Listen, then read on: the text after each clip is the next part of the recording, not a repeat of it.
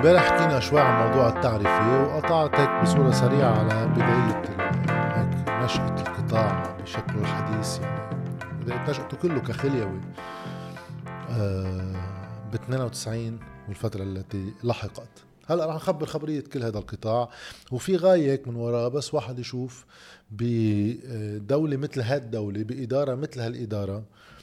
إذا واحد طلع نفط هلأ الحديث عن الغاز والنفط وبكرة الفرج من وراه شو بيصير؟ لأنه قطاع الخليوي سمي لعقود إنه هيدا نفط لبنان وصار في حديث إنه قديش هيدا مفوت دولارات على الدولة ومزبوط.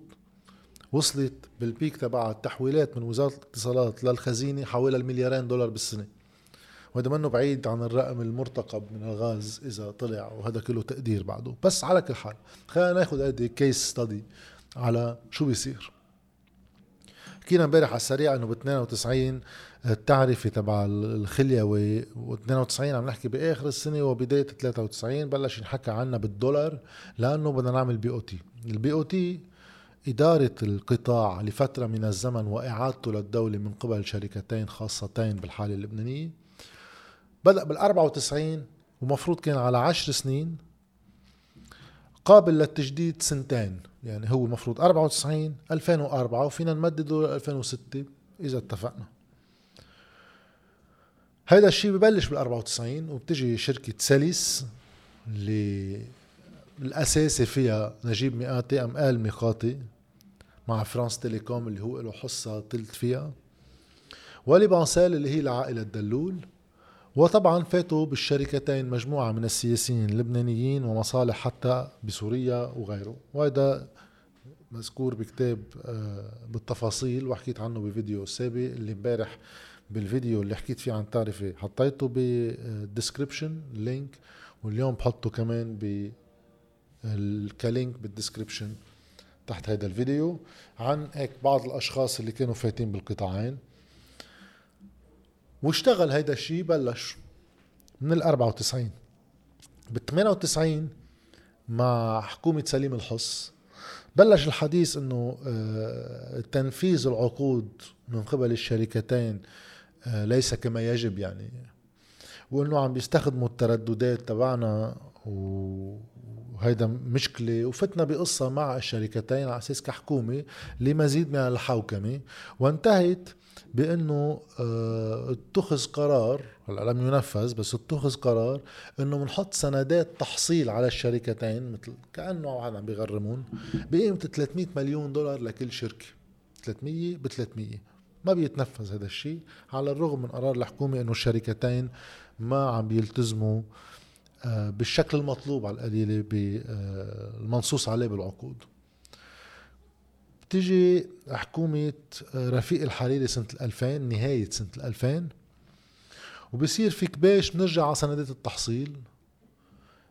لازم نضغط باتجاههم لأنه الشركتين كذا كذا كذا. لا ما لازم نضغط باتجاههم. وباجتماع للمجلس الأعلى للخصخصة اللي كان أمينه العام يعني غازي يوسف اللي بعدين صار نايب بتيار المستقبل بيتخذ مثل قرار إنه بنفكس العقدين مع الشركتين. بتجر القصة ما ما بينفذ هذا القرار. هذا قرار مجلس خصخصة وطلع على مجلس وزراء المفروض يتخذ قرار فيه أيضا وبنصير أخذ ورد ويستخدم هيك عصا إنه إذا كذا كذا بنفكس وبيتنفذ الفكس فعليا بال 2002 قبل أشهر سنة وشوي صغيرة لانتهاء العقد من ضمن الدولة تدفع شيء سنة 2004 ناخد قرار نفكس العقدين. بتروح الشركتين مئاتي ودلول خلينا نتذكر يعني. على تحكيم الدولة. وكمان واحد بده يذكر مئاتي كان عم يعمل وزير بلش. يعني على تحكيم دولي لأنه هالحكومة نحن عنا عقد معه فكست العقد. وبالتحكيم الدولي بجنيف بيطلع قرارين بخص كل شركة. تعويض على وحدة ب 170 مليون دولار والثانيه ب 169 مليون دولار. هذا ليش؟ لأن فكسنا قبل بسنة ونص العقد اللي كان فينا نسترد القطاع فيه للدولة ببلاش. نضطر ندفع أكثر من نص مليار دولار لشركتين مملوكتين من سياسيين لبنانيين وغيرهم. وبتصور في تضارب مصالح واضح. على كل حال الأسوأ من هيك شو هو؟ هو إنه سنة 2000 نحن وقت اخذنا قرار ونفذناه بفسخ العقد مع الشركتين. بنطلب من هول الشركتين اللتين فسخنا العقد معهم.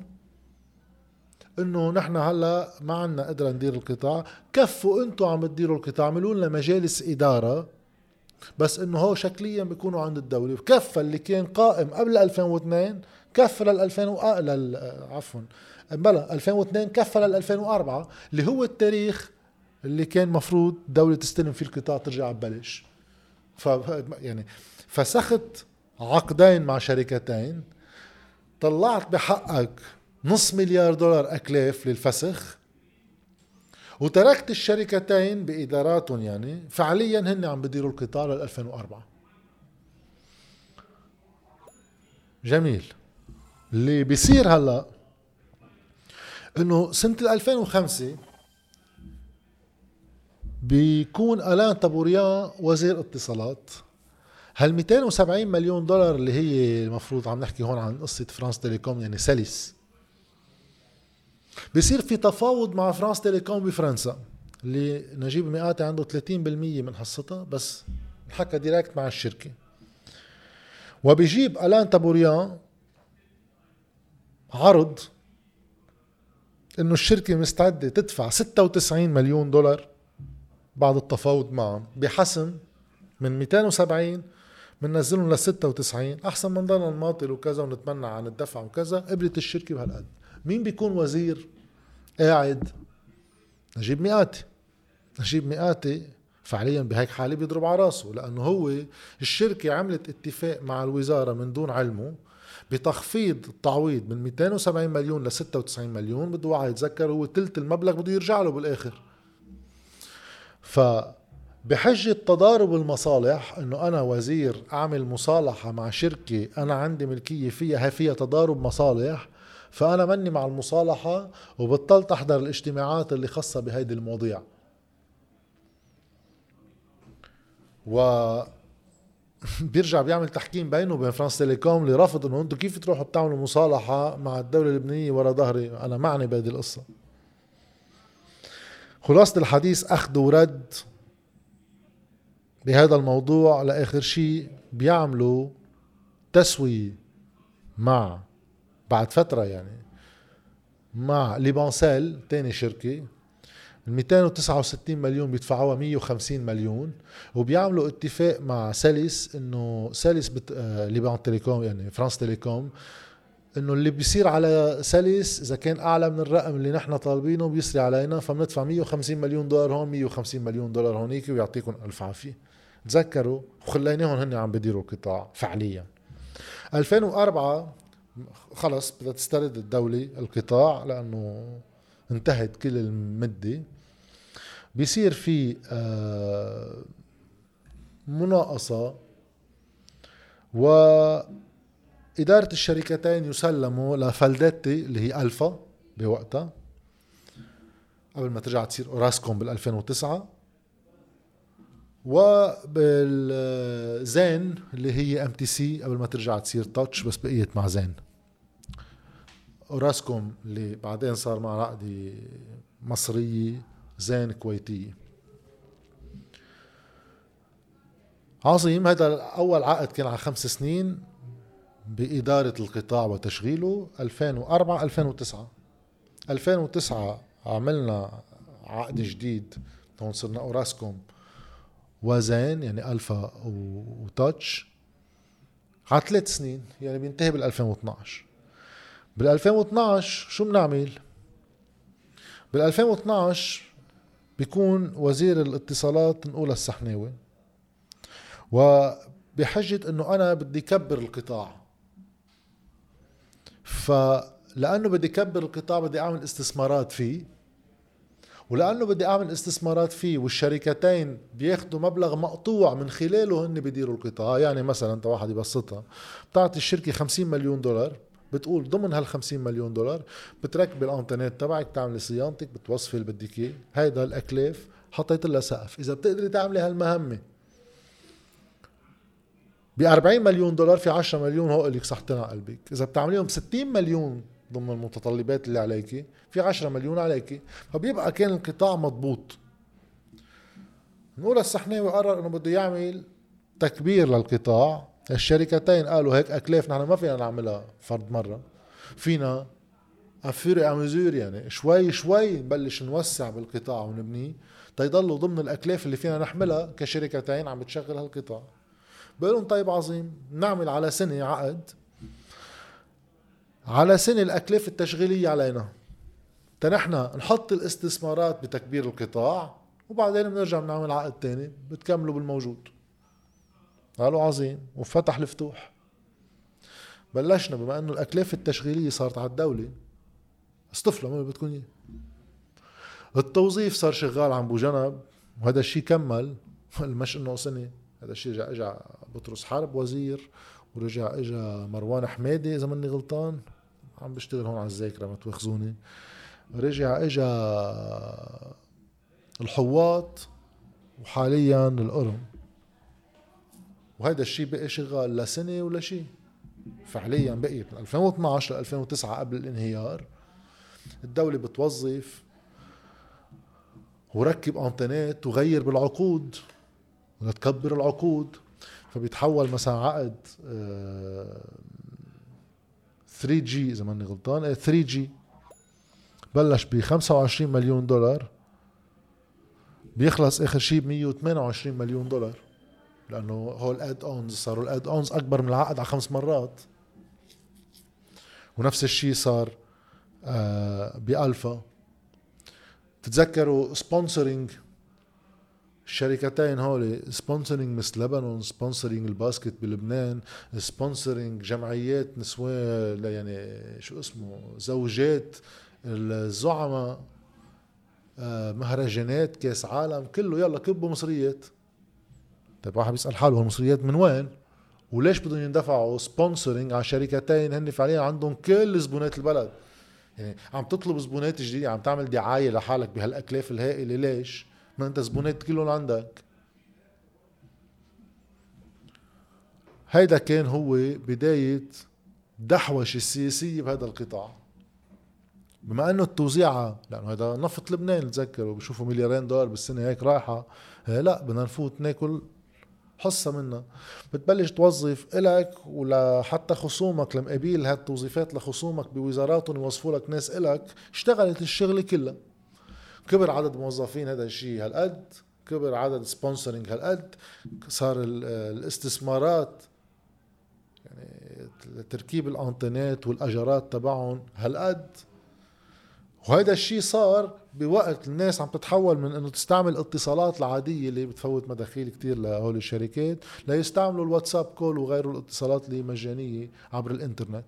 فبلشت تنزل موارد الشركات أصلا وبتزيد عليها إنك عم تصرف شغال. لو وصلنا بهيدي الحالة ل 2019 قبل ما أحكي عن 2019 مع بداية الانهيار وشو صار بده واحد يذكر. انه نحن تاريخيا ما حدا بيعرف هذا القطاع شو بيدخل أموال هو كقطاع. نحن بنعرف فقط شو الوزارة بتحول للخزينة. يعني الفا وتاتش بيقبضوا من الزبونات على التليفون الثابت على التليفون ال prepaid وكله. بترجع الوزارة بتعمل التوظيفات تبعها بالانترنت بالشبكة بالصيانة بالموظفين بالمازوت باللي هو وما تبقى يحول الخزينة. نحن بس بنعرف شو تحول الخزينة ما بنعرف شو كانوا عم يقبضوا هول وقديش انصرف. هلأ في تقرير لديوان المحاسبة بيصدر صدر من شي ثلاث أربع أشهر. عامل جردي للعشر سنين بين 2010 و 2020 بدنا نكتشف من خلاله إنه هذا القطاع بعشر سنين مفوت 17 مليار دولار. هال 17 مليار دولار فات منهم على الدولة 11 مليار ففي 6 مليار بهول 10 سنين انصرفوا هون وبدنا نشيل من هال 10 سنين سنتين يعني كان الوضع صار خربان. ففعليا أغلبهم هو بثمان سنين في حوالي 6 مليار دولار حطوا بهذا القطاع. بسأل واحد وين حطوا بالقطاع؟ بتصور على القصص اللي قلت لكم عنها بين التوظيف بين كثرة الانتينات والأجارات اللي كان في حديث من وقتها إنه خيي نحن في شركتين بالبلد. ليش ما نركب انتينات تسري على الشركتين؟ وين ما واحد بيكون خطه بيلقط الانتين الأقرب. لا كترون وزيدوا الأجارات وزيدوا كذا. راحوا 6 مليار دولار بهيدي الفترة. هلا نرجع على النقطة الأولى لنوصل 2019 إنه نحن بنقبض بالدولار بهذا القطاع لأنه من وقتها كنا عم نحضر لل BOT. هذا ال BOT اللي فسخ مفروض بال 2002 والدولة راحت باتجاه استرداد القطاع والدولة إذا بدها تسترد القطاع مجبورة تقبض بالليرة اللبنانية. بتبقى بالدولار لسبب ما. في واحد يربطه بال 2002 ليش خليناها بالدولار؟ لأن كانت تاني أزمة مالية عم تشح فيها الدولارات وعملنا باريس اثنين بوقتها. فكان في حاجة الدولة تضل عم تدخل دولارات. بيسأل واحد سؤال تبع الدولارات من وين عم تدخل؟ ما أنا وقت أدفع فواتيري بدفعهم بالليرة اللبنانية. هلا الليرة هي ب 1005 مزبوط. بس أنت وقت عم تشتري prepaid في distributor بينك وبين الشركتين هو بيوزع هول البطاقات على السوق وهذا بيشتري البطاقات بيدفع دولار للدولة. فالدولار شيء مهم يبقى كان للدولة تقدر ترجع تلم دولارات من السوق. 2019 نحن فتنا بالفتوح تبع الأزمة والانهيار. وعقب فضيحتين إضافيتين لنهب العام اللي ماشي بهالقطاع لسنوات الأولى قصة بناية تاتش اللي بنستأجرها على عشر سنين وبنكتشف فيها كوميسيونات شمال يمين شغالة فيها والشركة هي بتدفع 28 مليون دولار down payment لهوليك مقابل إنه هي تعمل لها صيانة للبناية. بعدين تنوقف هيدي الفضيحة الأولى بنعمل فضيحة تانية بنروح بنشتري البناية كلها ب 60 مليون دولار من الناس. الكومبينة اللي بتعرفوها عن بناية تاتش بصيفية 2019 الفضيحة الكبيرة. ومن بعدها قرار الوزير شقاق الحكومة كلها شقير واحد منهم يعني إنه بنحط 6 سنت على الواتساب وقامت القيامة 6 دولار بالشهر وقامت القيامة صار موضوع قطاع الاتصالات العين حمراء عليه وبنفس الوقت بينتهي العقد مع هول الشركتين بال 31 12 2019 كيف بنتصرف بهيدي الحالة؟ الدولة بدها تسترد القطاع. قلنا بنحكي مدري قديش بهذا الموضوع وما بننفذه. هالمرة المظاهرات بالشارع والاتصالات آه، صوفتها حمراء بشكل عام. طلبوا آه، من هيئة الاستشارات والتشريع استشارة. شو بيصير بواحد واحد 2020 هلا؟ قالوا لهم بواحد واحد 2020 في عالم تجدد العقود ولن تجدد العقود. هيدي الدولة بتصير هي تملك الإدارة والموظفين بالشركات كل شيء خلص استرديتوا القطاع حكما. شوفوا هلا شو بيصير بهالدي العصفورية اللي عايشين فيها. ب 31 12 2019 الدولة ما بتاخذ قرار فعليا باسترداد القطاع تنفيذا. بدك تعمل مجالس إدارة وبدك ترجع تسترده. وبنبقى نحن من 31 12 2019 لشهر 5 2020 فعليا لشهر 11 لأن القرار باسترجاع القطاع كان بشهر خمسة بس لم ينفذ إلا لشهر 11 خلينا نحكي لحدية القرار. واحد واحد 2020 لشهر خمسة 2020 خلص العقد مع الشركتين مشغلتين للقطاع اللي عم بتديرهم المفروض. ولكن بقية الدولة بتدفع لهول الشركتين المبلغ الشهري المليون دولار لكل ش... لكل إدارة تدير القطاع. وبقية هول الشركتين عم يقبضوا من الناس. ليش؟ قال ما كان عندنا وقت نعمل الخبرية بس من دون عقد. جميل. تسأل واحد حاله سؤال. طب إذا الدولة صارت هي الأكلاف التشغيلية وأغلب الموظفين بشكل غالب صاروا كلهم موظفين دولة شو بعدهم عم يشتغلوا هالشركتين بإدارة؟ بيقدر الواحد يقول متابعة حاجات الشركة والمعدات اللي هي بتحتاجهم للصيانة بتطلبهم من الدولة الدولة بتشتريهم هي بتنفذهم. أوكي بس بصير سؤال كم موظف بقي آخر شيء في بهول الشركتين اللي عم يتقاضوا آه، بدلات تشغيل؟ اثنيناتهم سوا ألفا وتاتش في ست أشخاص. اثنين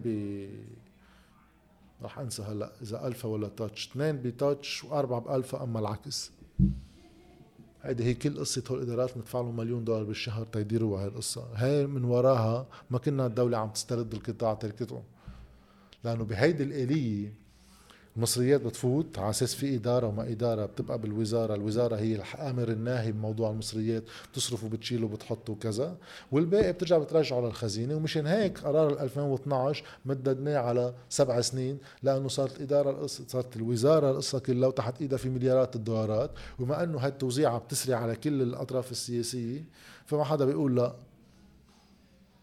نوصل لمرحلة هول الست موظفين يعني بنتركهم بندفع مليون دولار بالشهر وبلا عقد. وهول بفتلوا المصريات نحن اللي بندفعها وقت ندفع فواتيرنا والكروت التشريج.